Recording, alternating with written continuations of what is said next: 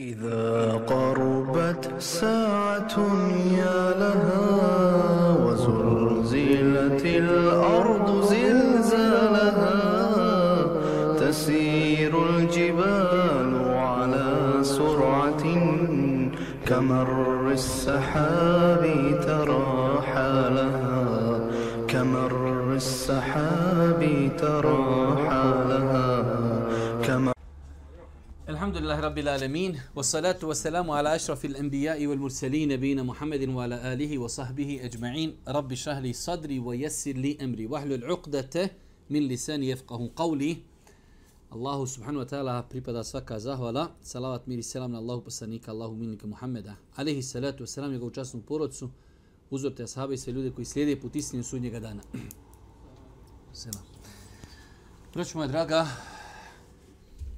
evo nas u još jednom predavanju, druženju u projektu naše čitaone u kojem čitamo i čitali smo različite knjige. Trenutno čitamo knjigu Vjerovanju u sudnji dan od Alija As-Salabija. U prošlom predavanju, vjerovatno se sjećate, pošto je tema onako bila malo strašna, e, počeli smo govoriti o džennetu i džehennemu, znači nekim hronološkim redom autor je govorio o polaganju računa, prelasku preko sira čuprije, tom nekom posljednjem momentu u kojem džennetlje ulazi u džennet, a to je ta takozvana qintara, period, mjesto gdje će muslimani koji su riješili svoje polaganje računa i prešli preko sira čuprije, ostaje još da ono što je bilo između njih na Dunjaluku, u njihovim grudima, da se to pročisti, očisti i da uđu u džennet. Pa je nakon toga autor počeo da govori o džennetu i džehennemu. Spomenuo je nekoliko pitanja, generalno gledajući za džennet i džehennem, da su to Allahova stvorenja, da već postoje, da su, ali da su vječna, da su vječna, da će stanovnici dženneta ostati u džennetu vječno, stanovnici džehennema vječno, misli se za one koji kao nevjernici uđu u džehennem. Nakon toga autor je počeo da govori o džehennemu. I rekli smo, uh, jest autor malo uh, detaljno govori o džehennemu, tako će inšala detaljno govoriti o džennetu, ali ima potrebe za tim, jer insan, e, uh, zato je došlo da Allah Žešanu kada upisuje poslanika i druge poslanike, kaj beširan u aneziran, Da donosi radnose vijesti, ali i da šta? Upozorava. Pa je ljudska duša taka. Nekada je treba malo posticati džennet, hurije, Allahu ekber, a nekad, Boga mi da kažeš, 70 godina kamen je letio dok je došao do kraja džehennema i 70 puta džehennemska vatra je teža dunjalučke, pa da insana malo i zastraši. Tako da nam autor govori o određenim osobinama džehennema, načinima kažnjavanja onih koji budu u džehennemu, nekada su to i vjernici koji su ušli u džehennem da budu kažnjeni shodno njihovim grijesima, a nekada se ta kazna odnosi prvenstveno na nevjernike. Pa nam kaže autor na 346. stranici kojim će kategorijama ljudi biti potaknuta džehennemska vatra. Znači, Allahu poslanik alaihi salatu wasalam spomenuo je u vjerodostojnom hadisu da su tri kategorije ljudi, prve kategorije koje će biti bačene u džehennem. Svakako, govoriti o gajbu, govoriti o džehennemu, govoriti o džennetu, ne može se osim na osnovu dokaza. I zato ćete vidjeti dok autor bilo šta spomene, odma rekao je uzvišenje Allah, rekao je Allah poslanik. Jednostavno sve što se govori o gajbu, da li se radilo o džennetu, o džehennemu, polaganju računa, proživljenju, o kaburu, mora se za to imati dokaz. Pa je ovdje autor spomenuo najpoznati hadis uh, u kojem Allah poslanik ali se letu sram spominje trojicu ljudi koji će biti prvi bačeni u džehennem. Razlog tome je to što su radili velike ibadete u očima ljudi, ali su ih radili radi naroda. I to je svima nama jedan veliki jedan veliki, jedno veliko upozorenje da insan preispituje sebe i svoje namjere u svakodnevnom životu. Ovdje se znači radi o čovjeku koji je poginuo po vanštini u džihadu, čovjeku hafizu Kur'ana ili alimu i o čovjeku koji mnogo udjeljuje i metak. Ali su to radili radi ljudi. Ljudska duša je slaba. Insan jednostavno može potpasti pod vesvese, pod došaptavanja šetana, pa da ne daj Bože počne dijela uljepšavati i raditi radi ljudi. Pa kaže se u ovom hadisu da Allah poslanik kazao prvi kome će se na sudnjim danu biti presuđen jeste čovjek koji je poginuo na Allahom putu. Znači poginuo na Allahom putu onako kako to ljudi vide, vanštinom. Ima dodataka ovom hadisu da je Buhurire radijallahu ta'ala kada bi ovaj hadis prenosio, padao je u nesvijest. Po tri, četiri puta bi pao u nesvijest zbog težine onoga o čemu govori ovaj hadis. Znači veliki ibadeti, veliki ljudi u očima ljudi i oni prvi bačeni u džehennem. Pa kaže, čovjek koji poginu na ovom putu, nakon što ga dovedu, Allah će ga posjetiti na svoje blagodati i on će ih priznati. Allah će ga upitati i napomenuti na blagodati koje je uživao, pa će čovjek potvrditi, jeste gospodaru, uživali smo te blagodati. Allah će ga upitati, šta si učinio da se odužiš za moje blagodati? On će odgovoriti, borio sam se u tvoje ime dok nisam poginuo. I odgovor je, kezept, lažiš. Šta si radio? Allah ti dao blagodat, kaže, ja rab, ja sam išao, borio se dok nisam poginuo. U tvoje ime. Kaže, gospodar, lažiš. Allah će reći, borio se kako bi ljudi rekli da si hrabar. Eto, rekli su. Zatim te biti naređeno da ga vuku s licem okrenutim nadolje i baci ga u vatru. Znači, pazite, veliko dijelo, zato u islamu je mnogo bitno da čovjek odgaja srce, da pazi na svoj nijet. I možete dvojica ljudi klanjaju u namazu zajedno jednog njegov namaz odvede u džennet, jednog ne daj Bože u džehennem. Zato je došlo u Kur'anu šta? Vajlul lil musallin, teško se klanjačima. Koji im klanja? Onim ljudi koji klanjaju da bi ljudi vidjeli. Pa je nakon toga Allah poslanik zbog dužine hadisa, imamo noćas mnogo toga da ne spominjemo, spominuje čovjeka koji učio Kur'an i bio je alim, ali je to radio radi ljudi. Pa isti scenario, Šta si radio? Učio sam, podučavao sam ljude. Lažiš. Radio si to radi ljudi, pa će biti naređen da ga baci u džehennem. I čovjek na kraju koji je mnogo udjeljivao, šta si radio? Dijelio sam na tvom putu, gospodaru, lažiš. Dijelio bi da bi, da bi ljudi kazali džometan, da bi kazao udjeljuje.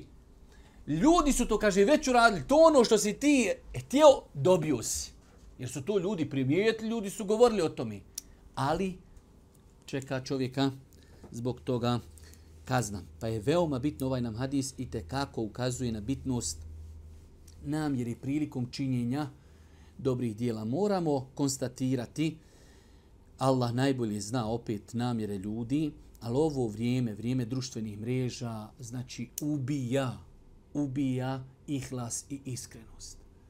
Jednostavno, ljudi, znači, mislim, evo, nakon samo jedan primjer, ne možeš ti odeš kod Kjavi, ti ne možeš tavafit od ljudi koji on stoji i da ga neko slika kako dovi, kako plaće, kako je na seždi. Čovjek sam sebe selfie slika u namazu. Znači, to je, to je nemoguća misija koliko su ljudi otišli e, u prezentiranju svojih ibadeta drugim ljudima. Mi smo sad, evo, kad smo bili u Ramazanu, Allah nas počastio zadnji dan kad trebamo krenuti i ošli smo dol da tavafimo čovjek je nazvao ženu i djecu na telefon, a mi smo stali u saf, dala u Kabuli, u prvi saf kod Kjabi, i on s njima priča, i on će, a tamo djeca skaču ku obdaništu, i on će ostaviti upaljen mobitel, da eto oni njega gledaju kako mi tu sad klanjamo. Roki reko, brate, pa dobro, evo zoveš i da vide čabu, vide tebe sve, ali u namazu, reko, može malo da ugada, da smanjiš makar. O, ekber. Ili ljudi stanu dole kod Kjabe i onda sad na tom pohariju ima mnogo kamera i onda stanu i mašu kamerama i viću sam svojim rođacima, evo me, vidiš li me? čoveče. Hajdu palio Viberu, bile Whatsapp kameru, vidite tvoji, jok, malo ti to, sada te kamere vide na satelitski kanal da oni vi, eno ga marši, haso dole. Ja Allah. I mnoge druge stvari, tako da Da Allah bude na pomoći doista, da Allah bude na pomoći svima nama i da nam pomogne kada je u pitanju čišćenje namjere prilikom obavljanja ibadita. Nakon toga autor kaže šta je svevišnji Allah pripremio za stanovnike vatre. Pa nam je autor ovdje naveo, jer Kur'an, pazite, znači bukvalno skoro da nema stranici Kur'ana od 600 stranica, a da u njoj se nešto ne govori o sudnjem danu ili o džennetu ili o džehennemu ili o nagradi ili o kazni. Tako da ajeta koji govori o džehennemu i o džennetu i o sudnjem danu je mnogo, baš mnogo. A autor je to doista na jedan lijep način poredao pa kaže džehennemlije će biti izložene užasnoj patnji. To je jedan kao veliki postulat, jedno veliko pravilo, užasna patnja. Gospodar svih svjetova pripremio je za stanovnike džehennema užasnu patnju. pa je ovdje citirao kuranske ajete koji to potvrđuju. Nakon toga kaže vatra će džehennemlije obuhvati sa svih strana. Dobro, prva stvar generalno žestoka patnja. Nakon toga, pošto rekli smo mi na Dunjaluku, vidjet ćete, mnoge stvari na Dunjaluku, one se na Ahiretu razlikuju. Pa na Dunjalku vidi možda nekoga da kažnjavaš ako ga udaraš s jedne strane i s druge strane se odmara, ajde da kažemo, tijelo. Ne, ne daj Bože, onaj ko zasluži kaznu džehennemsku, on se kažnjava sa svake strane čitavo njegovo tijelo biva kažnjavan. Allah silni objavio, eto toliko. A oni koji budu zločinili, čeka najgore prebivalište, džehennem, u kojem će gorjeti, a grozno, a, a grozni ili postini. U džehennemu će im ležaj i pokrivač od vatri biti. I leži na vatri i pokriven vatrom. A poslije ćemo vidjeti košulja od vatri. Pije ključalu vodu samo da Allah subhanahu wa ta'ala zaštiti insana. A da nevjernici znaju da tad neće moći otkloniti vatru od lica svojih i leđa svojih. I s lica i s leđa vatra gori i prži griješnike. Stanovnici džehennema bit će povezani u okove i bit će udarani maljevima. Mi smo prošli put govorili, Allahova milost jeste velika. I u datom momentu insanu dođe ta šubha i nejasnoća, Pa zašto toliko kažnjavanje, a gdje je Allahova milost? E, Allah je apsolutno pravedan. O robe, za te gospodar nije stvorio. Zar ti nije slao poslanike? Poslanici nisu imali druge zadaće. Poslanici nisu išli, e, sijali, kopali, radili. Kop... Ne, oni su samo ljude pozivali. Ljude upozoravali, kazivali. Pa znači Allah je slao poslanike pogotovo kad je u pitanju zadnji poslanik, ostala objava sačuvan do sudnjeg dana. Po dva, Allah ti dao razum da možeš dokučiti i shvatiti kosmos, sve što se dešava, tvoje tijelo, sve to ukaziva na veličinu gospodara. I sve to i ne želiš da vjeruješ. E, kada si bio takav i nađija, kada si bio tako u kapricu da ne želiš privatiti istinu, e onda ćeš biti kažnjen na ovakav način kako uzvišeni Allah s.w.t. opisuje u Kur'an. Kaže uzvišeni Allah i svi će prikriti tugu kada vide da će kažnjeni biti. A mi ćemo na vratove nevijenika sinđire staviti. Znači ovdje nam autor hoće samo da kaže da će ljudi u sve to što će biti kažnjavani i bit će još i okovani. Navodi se ovdje, kaže, bit će udarani maljevima a gvozdenim maljevima bit će mlačeni. Kad god pokušaju zbog teškog jada iz nje izaći, bit će u nju vraćeni. Znači, udarani velikim maljevima, čekićima i kad god pokušaju izaći, bit će vraćeni u vatru. Stanovnici džehennema bit će u vatri zajedno sa svojim božanstvima i šeitanima. Opet sad jedan dodatni vid kažnjavanja i poniženja evo robavao si nekome mimo Allahu te barke tala pored toliko jasnih dokaza da je uzvišeni Allah jedini kojim se smije činiti ibadet. Vi pogledajte sada da laleta i zablude, to se prije možda i nije toliko ni znalo ni manifesto, koliko sad vidiš šta ja znam, dole neka buda, bio zemljotris, krhala se buda, nagila se, izjedila se, pukla. I ništa, ljudi došli malterišu, lijepi, kuckaju, ne znaju ni oni šta će. I to je, eto, to je božanstvo, to je Bog, spao, bio zemljo 30 i on se jadnik nije uspio sebe sačuvati. Ali eto, to je nekome Bog i sjedi čitav život robuje to mi. Pa je kao vid dodatnog poniženja insanu kojem je Allah dao razum i slavu mu poslanike, e evo ti da će s tobom u džehennemu biti i tvoja božanstva kojima si robovao na Dunjaluku. Kaže nam ovdje autor, Budući da nevjernici obožavaju lažna božanstva, vjeruju u to da će se ona za njih zauzeti kod Allaha i približiti ih njemu, oni, nevjernici, bit će kažnjeni tako što će božanstva koja su obožavali biti bačena s njima u džehennemsku vatru da bi ih se ponizilo i da bi njihova tuga bila još veća. Znači, da bi jednostavno njihovo poniženje bilo još veće, zajedno će biti bačena u vatru džehennemsku i oni i njihova božanstva.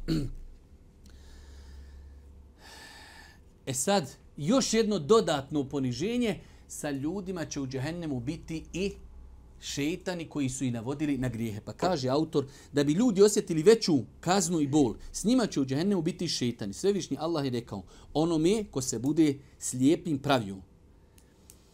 Da ne bi milostivog veličao, mi ćemo šetana natovarti, pa ćemo on ne razdvoji drug postati. On će ih od pravog puta odvraćati, a ljudi će misliti da su na pravom putu i kad koji dođe pred nas reće kamo sreći da između mene i tebe bila tolika razdaljena koliko je između istoka i zapada. Koliko si ti bio zao drug. Tog dana neće vam biti od koristi to što ćete u muci zajedno biti. Vidite kako je Kur'an savršen i precizan. Na Dunjaluku, kad bi sad neko tebe stavio u neki zatvor i ono samica teško ti. Došao s tobom neko, tebi lakše, nema veze, obo dvojca ste vi osuđeni na doživotnu. Ali on sa mnom, to je ono po onom receptu, crkla moja krava, daj neki ni komšina crkne i odmah tebi nekako malo lakše. Nije samo moja crkla, dobro je. Ja do kraja života osuđen ima i haso sa mnom, eh, alhamdulillah, dobro je. To ti odmah malo lakši. Allah Đelešanu u Kur'anu kaže, to što ćete zajedno biti, neće vam umanjiti vašu kaznu kako je kuransko obraćanje precizno. Kako je Allahova kazna žestoka. Znači, do te mjere, to što ćete vi biti zajedno sa šetanima i vaša božanstva i ostala ekipa s kojom ste griješili, svi se mučite, ali to vam nimalo ne ublažuje kaznu zato što ste, zato što ste zajedno. Čak kaže autor e, poglavlje zatvor u džehennemu. Rekli smo da e, ahiretske stvari se ne mogu e, dokučiti našim razumom. Kažemo, imate određene stvari, samo i mora čovjek tako prihvati i vjerovati. Džehennem i vatra gori i unutra ima i zatvor i unutra ljudi leže i unutra. Jednostavno, to je ahiret. To je ahiret. Kaže se u ovom poglavlju vjerovjesnik sallallahu iskazaju oholi će, oholi. Znači, opis njihov je oholi. I ovo je jedan od hadisa koji treba čovjeka da odgoji, da od sebe odagna bilo kakav vid oholosti. A najveći vid oholosti jeste odbiti istinu. Kaže, oholi će na sudnjem danu biti proživljeni u, ljud, u ljudskom liku, ali poput sitnih mrava. Proživljeni, a vidite kako Allah oholio se na dunjaluku. E sad ćeš biti proživljen kao čovjek, ali sitan kao crveni mrav. Znači, kao vid, suprotno od onoga što si ti radio na Dunjaluku. Bio si umišljen, bio si ohol, bio si gord, maltetirao si raju. E sad ćeš na sudnjem danu proživljen biti kao u ljudskom obliku, ali kao mali mrav. Kao vid poniženja. Ohol će na sudnjem danu biti proživljen u ljudskom liku, a poput sitnih mrava. Biće ponižavan na svakom mjestu i odvedeni u džehennemski zatvor koji se zove Bules. Allahu poslanik u to vrijeme naziva zatvor džehennemski bules u kojem će gorjeti u velikoj vatri, a bit će napajani gnojem stanovnika džehennema. Nakon toga autor nam govori, pokušat ćemo neke stvari malo i preskočiti, teška je tema, ali dobro je da insan čuje, da se malo i zastraši, da onog momenta kada ga duša pozove na neke grijehe, da sam sebi kaže, a jesi čuo šta smo na dersu slušali od ajeta i hadisa i, i ostali stvari koji se spominju u kontekstu džehennema. Pa kaže hrana stanovnika džehennema, vatra će biti hrana stanovnika džehennema. La haule wa la kuvata illa billah. Znači, kažnjava se vatrom i gori u vatri i nosi odjelo od vatri i jede vatru. Zato je došlo na ovom vjerodostom hadisu da Allah poslanik ali se sam kaže ko bude jeo ko bude jeo u zlatnim posudama, doista on kaže u svom stomaku rasplamsava džehennemsku, rasplamsava džehennemsku vatru. Oni koji taje ono što je Allah u knjizi objavio i to zamjenjuju za nešto što manje vrijedi, oni u trbuhe svoje ne trpaju ništa drugo do vatru. Trpaju vatru kojom će biti kažnjavani na ahiretu. Pa nam nakon toga navodi plodove drveta zekum. Drvo zekum bit će hrana griješniku. U trbuhu će kao rostopljena kovina vrijeti, kao što voda ključala vrije. El gislin, znači imamo kuranski određene termine koji su došli e, u kontekstu šta će stanovnici džehennema jesti. A opet ta hrana nije to hrana koja čovjeka snaži, već je to hrana koja je vid kazne čovjeku. Pa kaže El Gislin je tekućina koja izlazi iz tijela stanovnika vatri. To je krv i sukrvica. Kada ljudi budu kažnjavani pa iz njihovih tijela izlazi sukrvica, gnjoj od onog kažnjavanja, e to, i pi, to će biti hrana i piće stanovnika džehennema. Ad-Dari' je hrana stanovnika džehennema. Kaže, Ad-Dari je biljka s velikim bodljikama koja raste u Hidžazu. Dok je svježa, naziva se šerik, a kada se osuši, naziva se Dari. Znači, jesti će nešto poput našeg trnja. Bodljikava, znači biljka, e to će stanovnici džehennema, da nas Allah sačuva, jesti. Piće stanovnika džehennema el hamim voda koja je dostigla krajnji stepen u vrelini. To će piti stanovnici džehennema vodu koja je dostigla maksimum temperature i od koje će svakako, svakako sve će to kidati njihova crijeva i njihove stomake.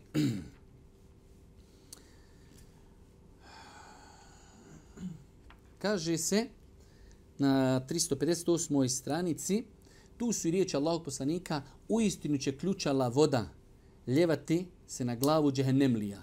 Ključala voda prodrijeće kroz njihove utrobe, trgajući i topeći ono što je u njima, a onda će izbiti na njihova stopala. Potom će se sve biti vraćeno onako kako je bilo prije. Znači čovjek popije vodu i ta voda zbog tolike žestine bukvalno pokida će cijelo njegovo tijelo da će ona dole izići njemu kroz pete, pa će opet se sve vratiti iz početka i tako dalje.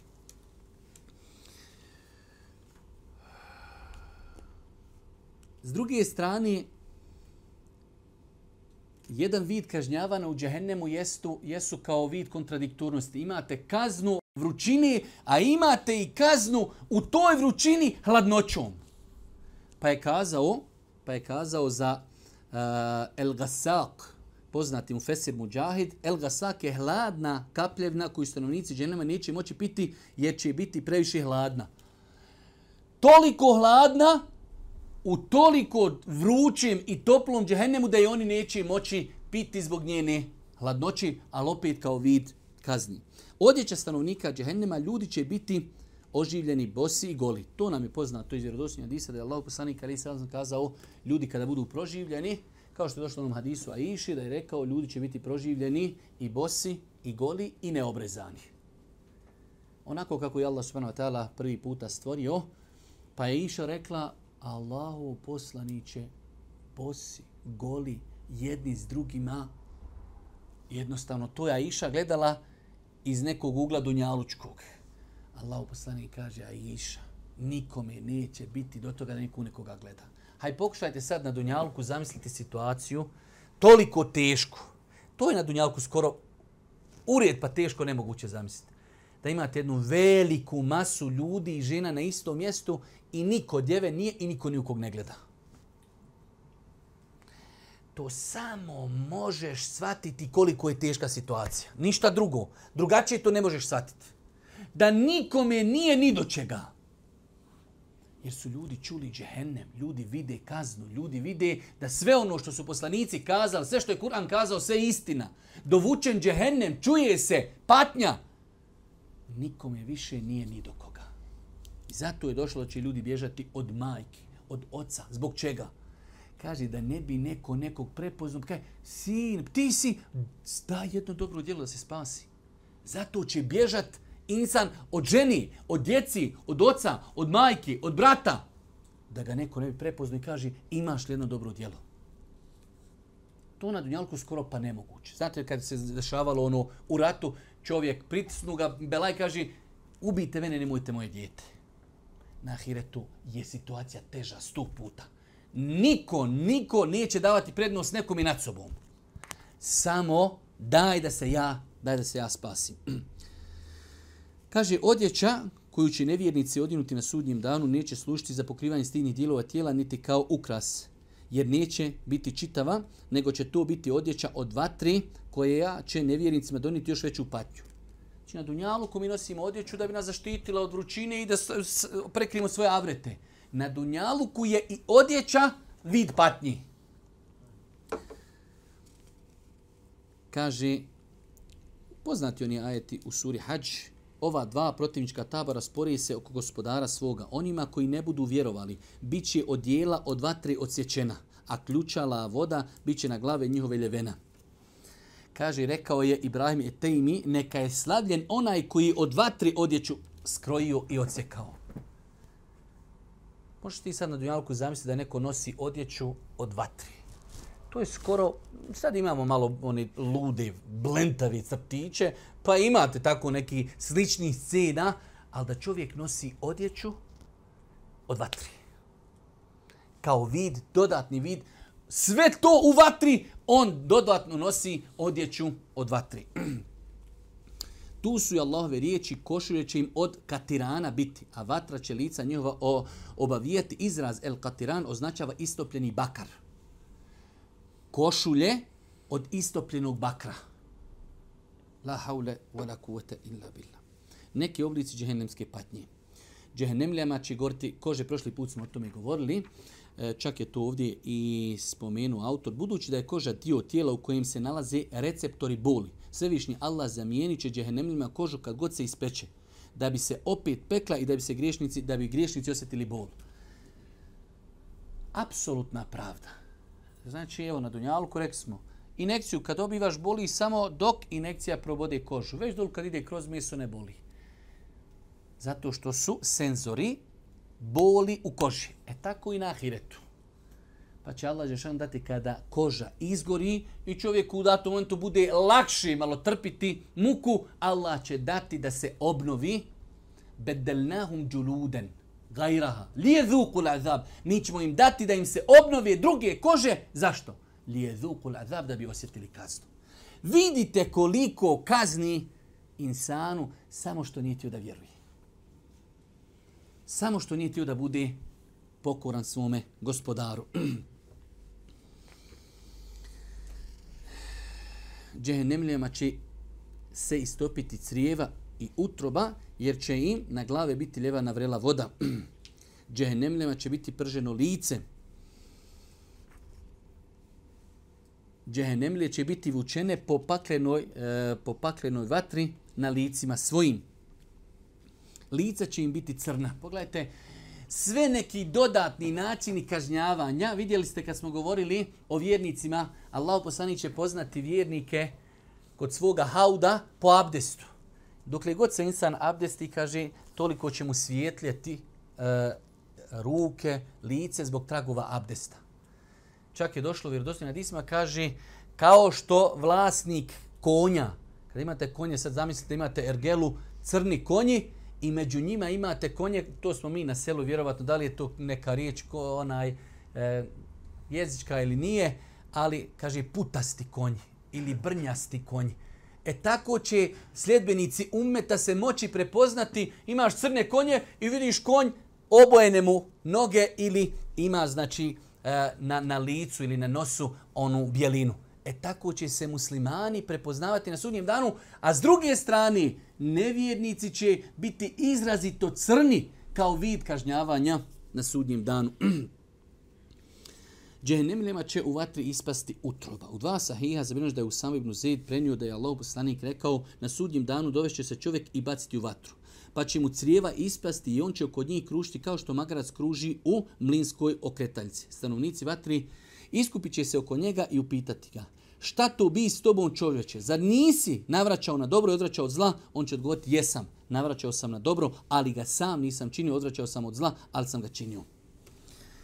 Ovo isto je jedan veliki hadis koji insana podstiči da ono što ljudima govori praktikuje.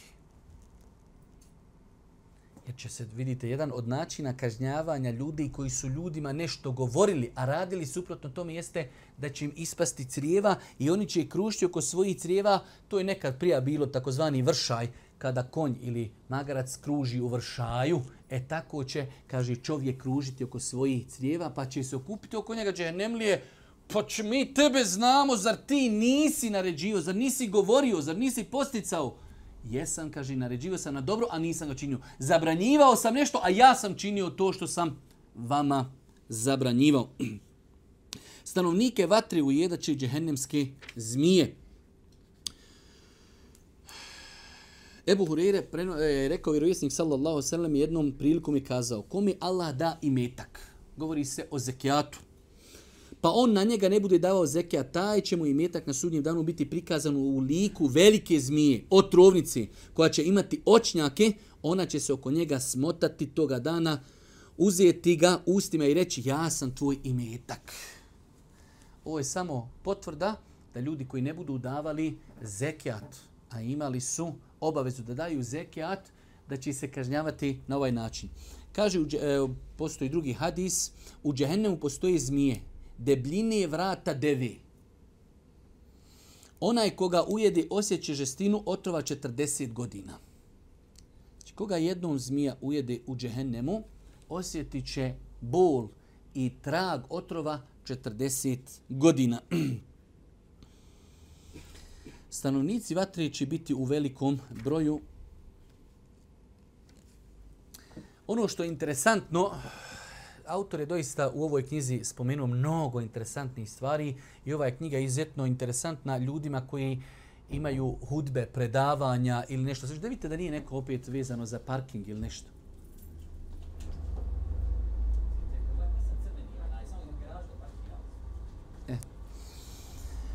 Ove su knjige lijepe eh, da su urađene, ajde da kažemo, sistematski, školski. Neko ko hoće da drži hudbu, predavanje, izlaganje, eh, stvari su mu objedinjene. Pa je ovdje autor objedinio on nakon toga šta su to, kaže, stvari na osnovu Kur'ana i Hadisa, Božih poslanih, koje će džehennemlije tražiti. Dobro, ljudi kažnju džehennemu, e sad oni nešto traži, a u tome je pouka i poruka za nas. Pa kaže, prva stvar jeste da će tražiti otkup. Jer insan je tako, pogotovo znate sad ovo, ova, ova vremena kakva jesu, sve se nešto može potkupiti i kupiti. Pa su ljudi tako odrasli, tako žive, sve može nešto ispod stola, sve može nešto da se završi. Pa će ljudi i umrijeti sa takvim nekim uvjerenjima, ma može se to rijeva, riješćemo mi to. E ne može se dole riješiti. Ili tamo. Pa kaže uzvišeni Allah, kada bi sve ono što je na zemlji bilo u posjedu nevjernika, sve. Znači, od Sarajeva do Sarajeva. Sve na zemlji. I još toliko. Aha, jedna zemlja i još jedna. Sve jedan čovjek ima. Kad bi se htjeli odkupiti od patnje na onom svijetu, ne bi im se primila. I njih čeka patna nesnosna. Znači, Kažeš, pa vidi, imam ja na računu, mogu se ja iskupiti. Kad bi imao svu planetu. I još jednom toliko. Ovo je u jednu ruku, šta je nama upozorenje? Čovjek dođe i šta ja znam s tim da Allah oprosti svima nama, ali ponudit se neki posao ne mreš klanjati. I onda ono čovjek sjedne i vaga, pa zaradit ću, šta ja znam i kako ću. Možeš li zaraditi cijelu planetu? Eš, brate, kad bi reknem kako Nuh alaih selam živio i da ti je kičma, ne možeš, ne možeš zaraditi.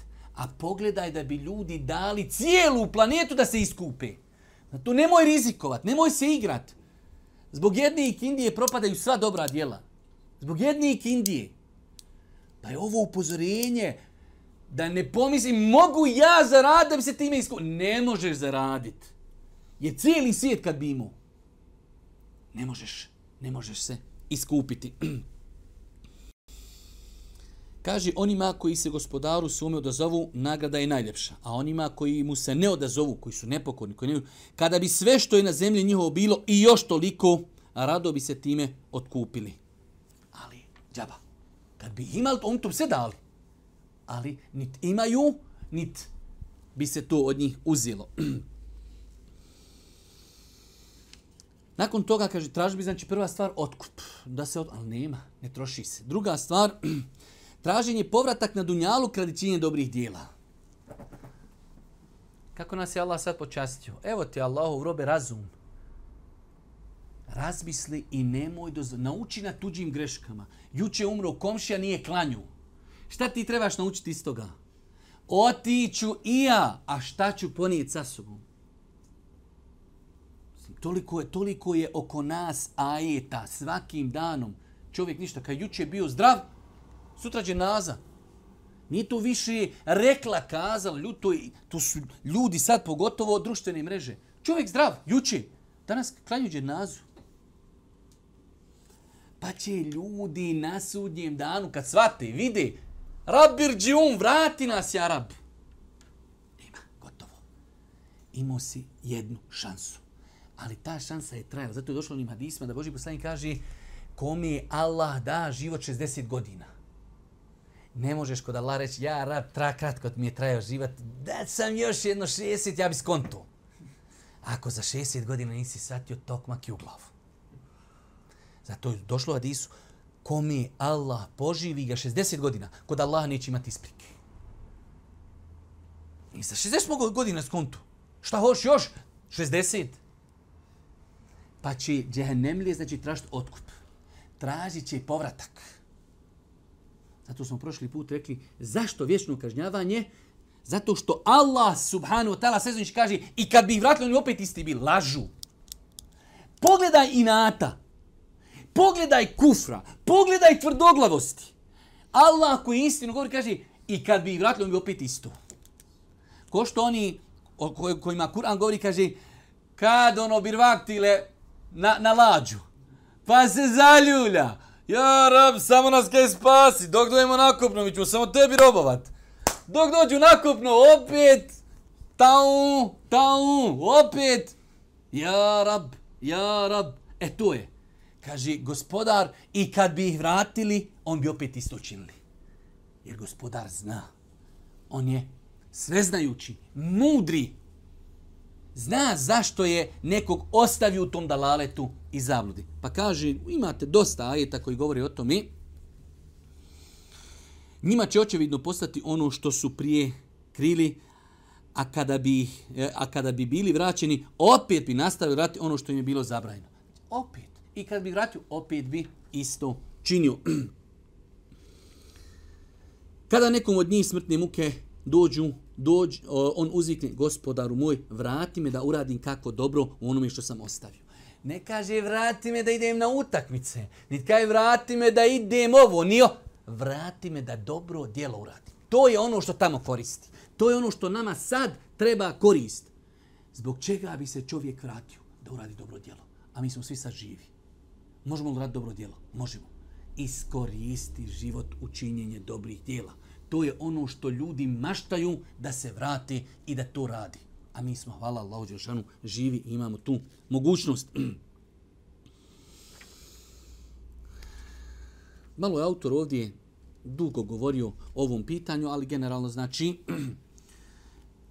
je da je jedna od stvari koju će tražiti nevjernici povratak i druga stvar, gospodar nam pojašnjava da kada bi ih vratio, da bi opet nastavili biti u nevjerstvu. Traženje osveti. La haule wa la kuvvete illa billah. Kaže autor stanovnici džehennema trašći da se Allah osveti glavešnjama i vođama. Velik broj u ljudi na planeti danas je u dalaletu. Znate zašto?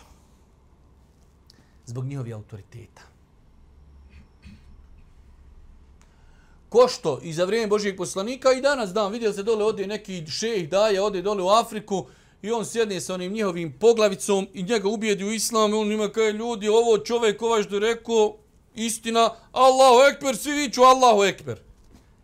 E tako isto i kad rekne kaj ovo je neistina. Svi viću, neistina, udri kamenjem, iz, istina, aj ga iskući. Ljudi uzeli mozak i rekli, ovo me poglavici glavnom, ti što skontaš i mi smo skontali. Halo, ba ne more niko skontaš što ti moraš skontat. Ali džaba je, taka, takav je narod kroz historiju. Pa će ljudi na sudnjem danu skonta to.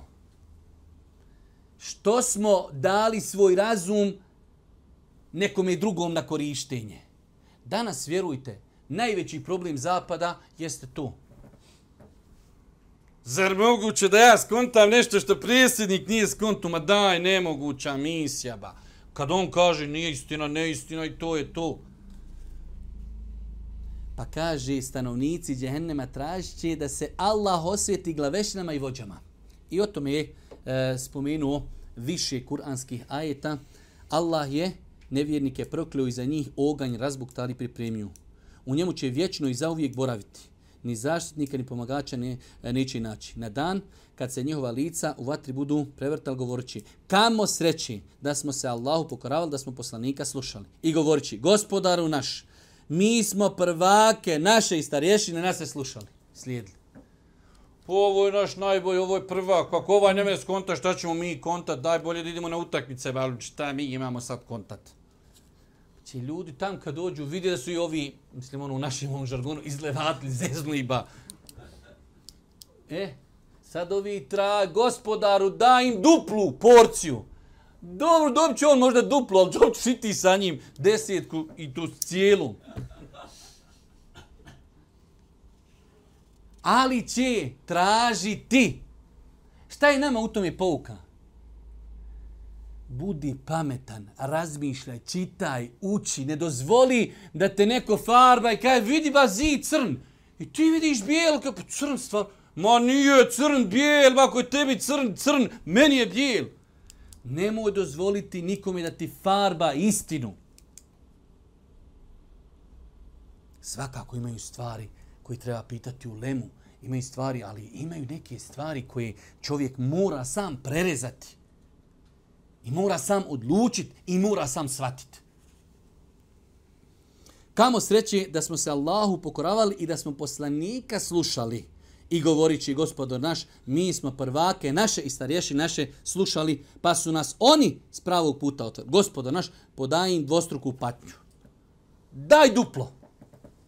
Mi častimo i na naš račun duplo. Tražit će pomoć od lažnih božanstava svakako da neće je dobiti. Tražit će izlazak, ali neće nikada izaći. Rekli smo da se ovo odnosi na nevjernike koji su umrli u nevjerstvu. Na dan kad nevjernik prste svoje bude grizao govorići. Znate kad on čovjek kad je nervozan? E, kako je, kako je Kur'an precizan? spominje njihovu nervozu u džehennemu. Na dan kad nevjernik prste svoje bude grizao govorići, kamo sreći da, se, se, da sam se uz poslanika pravog puta držao. Kamo sreći je teško meni da tog i tog za prijatelja nisam uzeo. Dvije stvari. Grize nokte i kaže kamo sreći. Dvije stvari, da sam samo dvije stvari uradio u životu. Da sam slijedio poslanika. Da nisam bio budala i da nisam crto karikature o poslaniku i da nisam druge ljude huškao na poslanika. Kamo sreći da sam ga slijedio. Kamo sreće sam život za njega dao. I šta je druga stvar? Da nisam tog i tog za Irana uzeo. Lik me uprovalio skrb. Ja bi u džavima, daj var, sjedi ba, ovi što je fino, na Baščarši narod hoda, mi ko, ko zjale sjedimo ovdje, brojimo koliko je turista, kineza prošlo, koliko amerikanaca, koliko italijana. Ezan uči, ba da, to je samo za ove pobožni, za vehabije, šta ćemo mi u džami? I lik, ono, šta će smota, ne mre reći ništa njemu, ma ja, hajmo sjed, broja ćemo zjale ovdje, i doješ na sudnji dan, vidiš, belaj sa njim da nisam kaj sad tom budalom sjedio, možda bi se spasio, ali budala me koštu. Zato pazi s kime se družiš. da je velik ko Eiffelova kula. Ako te odvodi od Allaha, daleko ti kuća bila od moje. Nemoj dozvoliti da se družiš s nekim ko te odvodi od Allaha. Onaj ko te postići, hajmo na ders, hajmo na predavanje, hajmo u akciju neku hajili humanitarnu, hajmo u džamiju, hajmo postit. S takvim se druži. Nema takvi sam, koji Ibrahim ali salatu wasalam. Bolje ti je biti sam nego s ovima zjale brojati dole na čarši. Kamo sreći da sam uz poslanika pravog puta se držao. Kamo sreći. Teško meni da tog i tog za prijatelja nisam uzeo. On me je od Kur'ana odvratio nakon što mi je priopćen bio. On mi je od Kur'ana odvratio. Sad je Kur'an dostupan cijeloj planeti. Ma daj, vidite ono na YouTube. Jel to i ti kaj vehabije sluša? Jo, jo, nije, nije, naletio mi slučajno, je uzbila, ne slušam ja muzika. moraš se opravda da ne slušaš ono da bi ostao u ekipi lud, luđaka. Ne, ne, ne, ne, izletio mi na YouTube-u samo reklama, daj, daj neku muziku da dokažeš da si lud, da si u ekipi. Da ne slušaš vehabije. Kaže, on me od Kur'ana odvratio nakon što mi je predoćen bio. Svako sad ko ima mobitel, znači doći sutra na svoj dan kažeš, ja rab, ja nisam znao. Pa nije, bra, evo, samo odiš na YouTube, Safet Kuduzović, brate, ne mreš preslušat da živiš ko Nuh alaih Da ne govorimo o ostalim dajama. Učenje Kur'ana, pa brate, sve dostupno. Čovjek zna šta će ovo biti na sudnjem danu, dokaz, pa on bi čovjek ovo stavio, stavio prvu vatru koju bi zajtra ložio za kafu, odmah njega zapalio. Ovo je dokaz protiv ljudi. Islam je putem ovoga ušao u svaku kuću neko na YouTube ukuca Safet Kudzović, a neko ukuca nešto drugo. Isto tako tražit će blažu kaznu, ali im se kazna neće ublažiti. Tražit će smrt. To je, evo, neki rahmet, daj da umremo se ne mučimo. Ne moraš ni umrijeti. Ne možeš ni umrijeti. A nevjernici će u patnji džehennemskoj vječno ostati to a, automatski negira šta? Smrt. Ali opet imamo dalje. Ona im se neće ublažiti i nikak, nikakve nade u spas neće imati. Nismo im nepra, nepravedni bili, oni su sami sebi nepravdu nanijeli. Ovo je, znači, jedan veliki kuranski princip. Allah će lešanu nikome zulum učiniti neće. Slao ti poslanike, dao ti razum, da možeš razumjeti. Što nisi vjerovo i što nisi pokoran bio. On će dozivati, o Malik, neka gospodar tvoj učini da umrimo. A on će reći, vi ćete tu vječno ostati. Tražit će vodu i hranu. I stanovnici vatre dozivat će stanovnice, stanovnike džehennema. Polijte na nas vode ili nešto od onoga čime vas je Allah obdario. A oni će reći, Allah je to dvoje nevjernicima zabranio kojima je vjera njihova bila igra i zabava i koji je život na zemlji život na zemlji bio obmanu. Znate vi danas, mi ne želimo nikoga stvarno da vrijeđamo, ali kada čujete neke druge vjere, to je stvarno igra. To je, to je, to je izigravanje, Tobe Arabi s Bogom. Ali kao ljudi, to je naša vjera. E, zato Allah Đeršanu kaže, Allah je to dvoje nevjernicima zabranio kojima je vjera njihova bila igra i zabava. Ljudi se šprdaju, ali kaj, to je naša vjera. Je li to vam vjera? To je tu. I koji je život na zemlji bio obmanu. Poleti, dunjaluk, bez ikakve recenzije, uzimaj, trpaj, leti i u sve to ne vjeruješ u gospodara.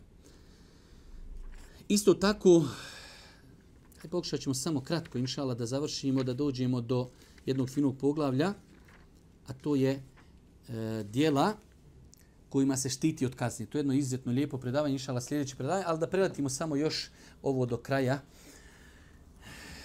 grijesi čiji će počinioci ući u džehennem. Znači, autor nakon što nam je spomenuo šta će sve stanovnici džehennema tražiti, priželjkivati i ništa im neće biti ispunjeno, upozorava nas na određene grijehe koji su jasno spomenuti kroz Kur'an da oni vode u džehennem.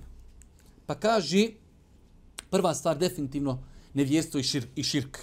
Oni koji ne vjeruju između sljedbenika knjige i mnogombošci bit će sigurno u vatri džehennemskoj.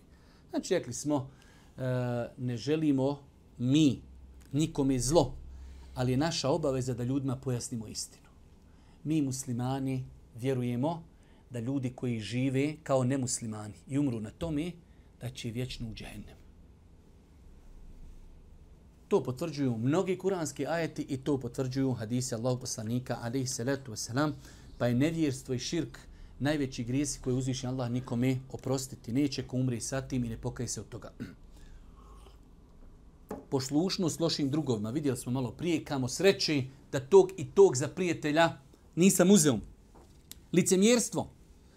Znači veliko licemjerstvo i razlog da čovjek vječno ostane u vatri. Veliko licemjerstvo je da čovjek prikazuje pred ljudima da je vjernik, a on u osnovi nevjernik. Ne vjeruje u Allaha ni u poslanika, raduje se kad muslimane zadesi nedaća i žalosti se kad muslimani napreduju.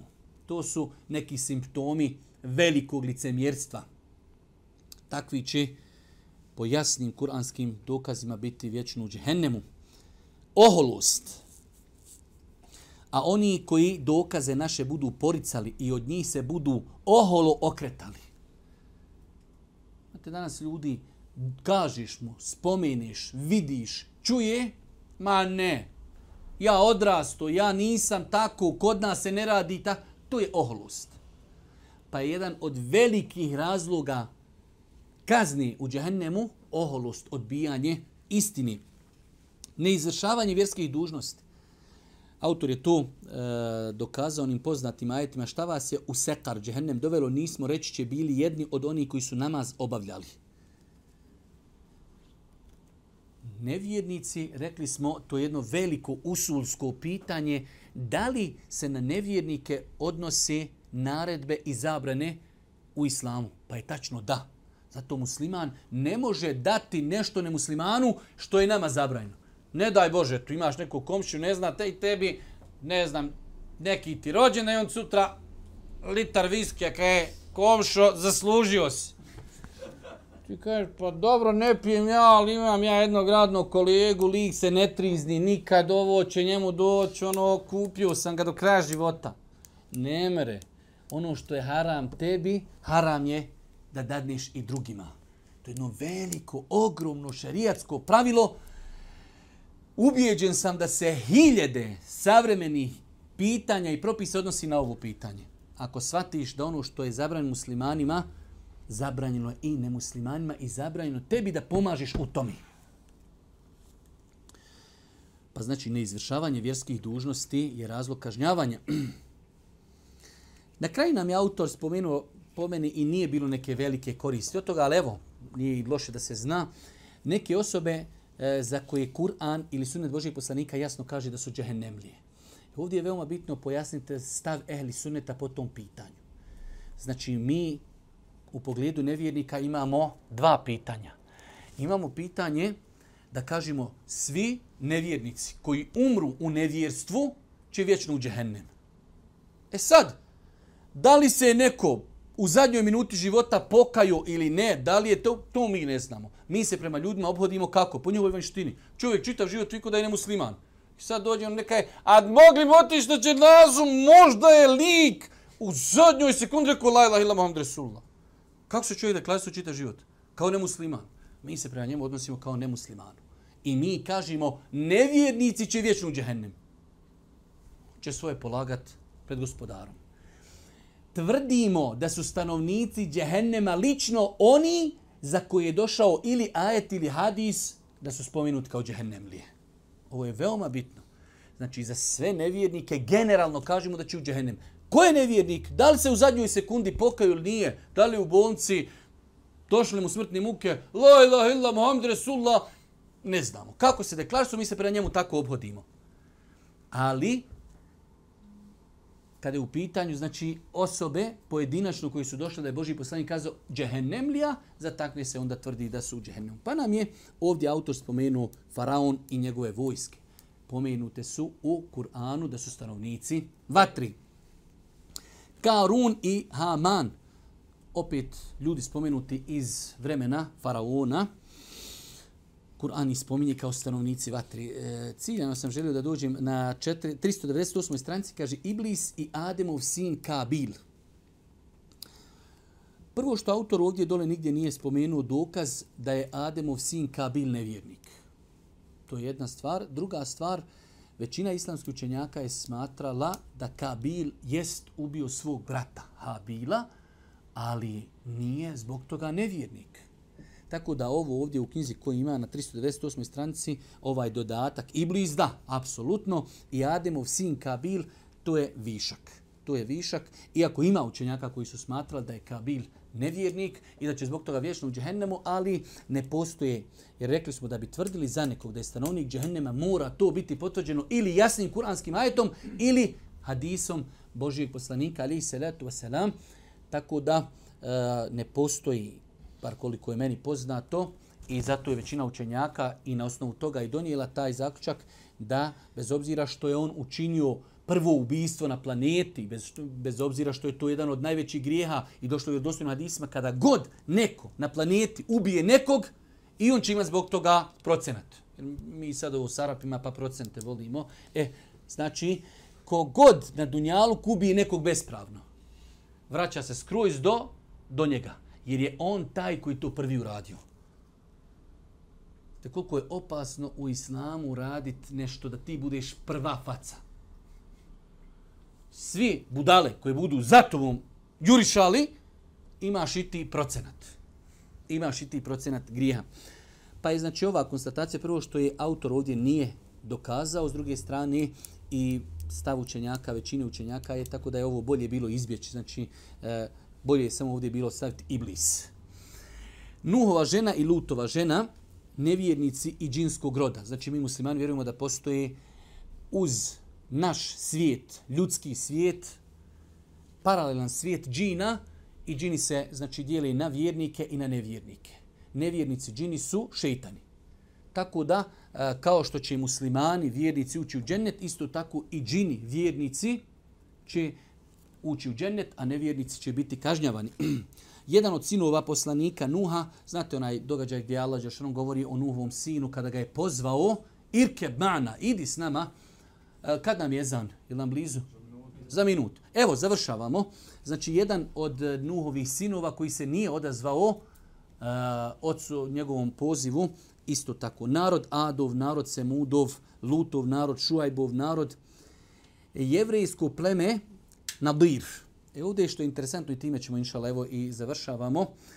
E, Allah Žeršanu kada govori o Božim poslaniku i o tom periodu da je živio, znači u to vrijeme je bilo židovsko pleme u Medini, Nadir, Benu Nadir, pa su spomenuti kao stanovnici Džehennema. Ali ovdje nam autor na kaj kaže stanovnici Džehennema neće biti samo pripadnici plemena Benu Nadir, nego će to biti svaki jevrej, svaki kršćan koji čuje za islam i poslanika, a islam ne prihvati. To je generalno pravilo da ljudi koji čuju za islam, čuju za Kur'an, čuju za poslanika i ne prihvate islam, oni su nemuslimani, nevjernici. U hadisu stoji da je Allah poslanik rekao tako mi onoga u čujoj ruci je Muhammedova duša. Biće stanovnik u džehennemu svaki jevrij, svaki kršćanin iz ovog ummeta koji čuje za moje poslanstvo i umri, ne povjeravavši u objavu s kojom sam došao. Svi koji čuju za poslanika i ne povjeruju, ovo je dokaz da je poslanica Mohameda a.s. selam derogirala sve prijetodni poslanice, Ebu Leheb i njegova žena i Velid ibn Mugira, jedna posebna ličnost e, za koju je Kur'an jasno kazao da će biti stanovnik džehennema. Allah je molimo da se uči na putu istine, da nam podari korisno znanje. Na kraju subhaneke Allahumma bihamdike, šedan la ilaha in stakfiruke, wa etubu ilik.